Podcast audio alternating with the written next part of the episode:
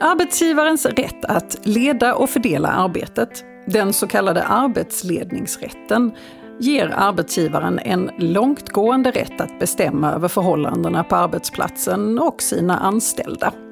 Men går den så långt att en arbetsgivare får begära att arbetstagarna vaccinerar sig?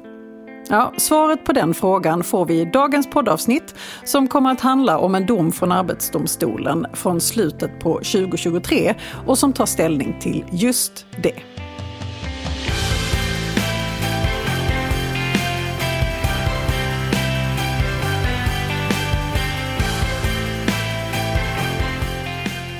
Hej och välkommen till Arbetsrättspodden. Podden för dig som verkar inom HR eller hanterar personalfrågor i din vardag. Jag heter Emelie Svensäter Jantorp och arbetar som advokat här på Vinge. Och med mig idag har jag Sofia Reuterkrona som också arbetar med arbetsrätt här på vårt Malmökontor. Hej Sofia! Hej Emelie! Vi ska prata om arbetsledningsrätt idag. Mm. Det är en väldigt central fråga för eh, just arbetsrätten i Sverige. Ju.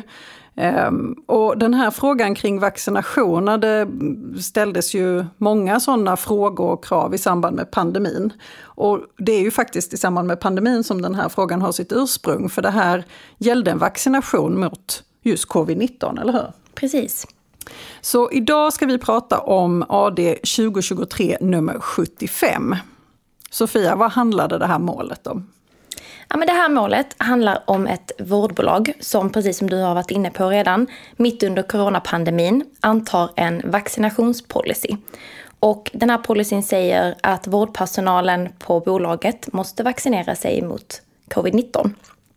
Och i policyn så, eh, så stod det att en anställd som inte vaccinerar sig mot covid-19 inte anses stå till förfogande för arbete och att eh, den här anställda då inte ska få lön för den tiden som man inte jobbar. Så eftersom man då inte ville använda sig av ovaccinerade sjukpersonal så kunde de inte arbeta och därmed fick de ingen lön. Det var Precis tanken. Ja. Och sen i policyn så, så, stod det, så stod det också att det kunde bli fråga om att bolaget skulle kunna avsluta anställningen genom uppsägning eller eh, avskedande om den anställde inte vaccinerade sig. Så man, man gick ännu längre egentligen. Det var inte bara det att man då inte betalade ut lön, utan i slutändan så innebar det att det fanns en förutsättning för en fortsatt ans äh, anställning, ansåg man. Precis, så det kunde bli ganska långtgående konsekvenser för de här arbetstagarna.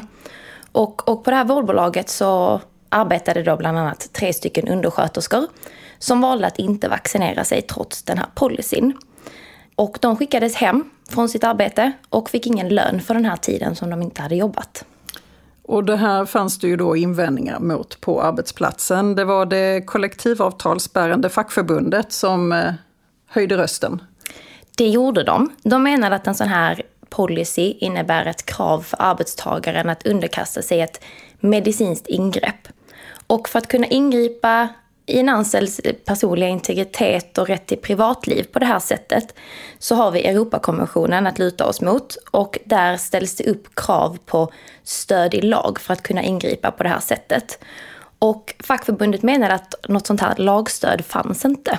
Och de menade det eh, som en följd av det att, att bolaget hade brutit mot kollektivavtalets lönebestämmelser genom att de då inte betalade ut lön och andra ersättningar till de här undersköterskorna eftersom de då inte hade stått till förfogande för arbete. Och sen så säger så också, de menar egentligen att de stod till förfogande, precis. men bolaget valde själva eh, då eh, i strid med lag att eh, inte använda dem och därmed så hade man då inte rätt att säga att eh, ni får ingen lön för det här. Ja men exakt, exakt. Fackförbundet så framförde också att även om man skulle kunna hitta lagstöd för det här så ska man enligt Europakonventionen göra en intresseavvägning mellan de motstående intressena. Och då tyckte fackförbundet att arbetstagarnas intresse av integritet väger tyngre än vårdbolagets intresse i det här fallet. Och så säger också fackförbundet att det finns andra mindre ingripande åtgärder som man skulle kunna ta till för att ändå uppnå det här syftet som vaccinationskravet var tänkt att, att uppfylla. Och vad menade man det skulle kunna vara för åtgärder då? Ja, men, till exempel så hade man redan på, på bolaget eh, de här eh, skyddsåtgärderna som vi känner till vid det här laget. Handsprit, munskydd, visir och den skyddsutrustningen som man hade i sjukvården. Eh, och den använde man både för vaccinerad personal och man använde den också för icke-vaccinerad personal. Så det var ett av argumenten. Sen så framförde man också att det inte fanns något vetenskapligt stöd för att en ovaccinerad person var en större smittspridare än en fullt vaccinerad person. Och utöver att de menade på att det inte fanns lagstöd så, så sa fackförbundet också att den, de här avstängningarna som en följd av att man inte kunde vara på arbetet stred mot, eh, mot god sed på arbetsmarknaden eftersom att de här arbetstagarna blev tvungna att underkasta sig en vaccinering för att kunna få gå till arbetet och få lön för det. Vårdbolaget höll inte riktigt med i det här resonemanget. Vad sa de för någonting? Ja, men vårdbolaget säger att det här är ett arbetsledningsbeslut och att de med stöd av arbetsledningsrätten kan införa en sån här policy och att arbetsledningsrätten jämställs med lag. Så de menade på att policyn den stred varken mot Europakonventionen eller mot någon annan lagstiftning. Eh, vårdbolaget menade istället att, att det faktiskt var nödvändigt med en sån här policy för att kunna förhindra smittspridning eh, från medarbetarna till patienterna och vice versa. Eh, och för att kunna undvika smittspridning medarbetarna emellan. Dessutom så lyfter man arbetsmiljön som ett skäl för att ha den här policyn.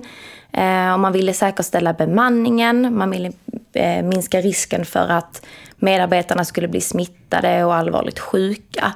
Och så menade man att det här, det här, eh, den här policyn är i enlighet med, med god och säker vård utifrån patientsäkerhet och den hälso och sjukvårdslagstiftning som fanns, eh, Socialstyrelsens föreskrifter och de rekommendationer från Folkhälsomyndigheten som fanns vid, vid tidpunkten. Och det var ju en hel del rekommendationer hit och dit i det läget. Eh, vad, vad var rekommendationen från Folkhälsomyndigheten i det här läget? Ja, men den var att vårdpersonal i patientarbete skulle vaccinera sig mot covid-19. Och där fanns även en vägledning från Folkhälsomyndigheten. Och av den framgick att, eh, att arbetsgivare inte kan kräva förvisso att en anställd eh, ska ta emot ett erbjudande om vaccination. Men att det är upp till arbetsgivaren att bedöma om en vaccination är obligatorisk för arbete i en viss verksamhet.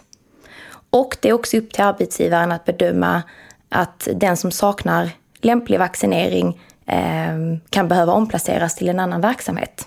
Och hur såg det ut för de här undersköterskorna? Ja, men deras arbete var nära patienter. Eh, patienterna var, eh, var äldre och de var multisjuka. Så att allt arbete på det här vårdbolaget var egentligen patientnära. Så det fanns inget annat arbete de kunde omplaceras till. Och det framfördes på det här, den här vårdavdelningen också att såväl patienter som deras anhöriga och, och flera medarbetare var oroliga över att vistas tillsammans med personer som inte var vaccinerade. Ja, vårdbolaget menade i, i, eh, i korthet att det fanns ingen annan mindre mindre ingripande åtgärder än vaccination för att kunna uppnå den här, det här skyddet. Och vad kommer då AD fram till i det här målet? Arbetsdomstolen säger att utgångspunkten det är att en arbetsgivare kan bestämma över verksamheten. Och det är med stöd av arbetsledningsrätten som vi har varit inne på.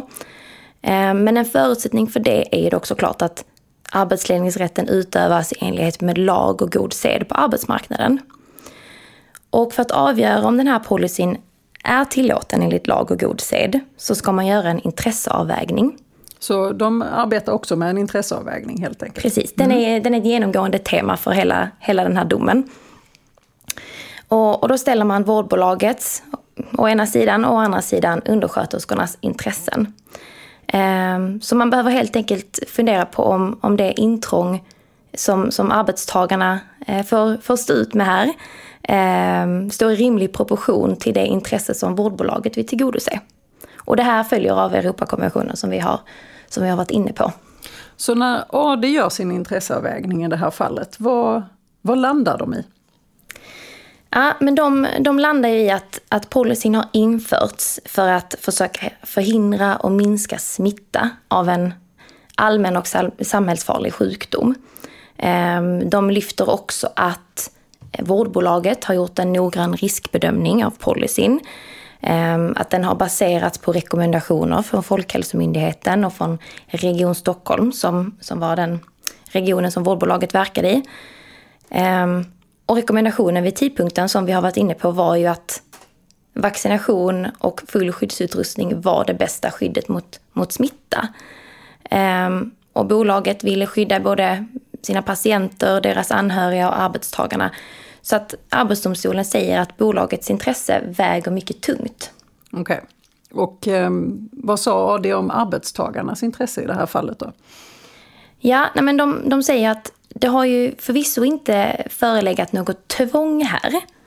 Men AD är inne på att en utebliven vaccination kan ju medföra väldigt stora konsekvenser, framförallt ekonomiska svårigheter för arbetstagarna eftersom att följden av, av att inte vaccinera sig var att, att man inte fick någon lön.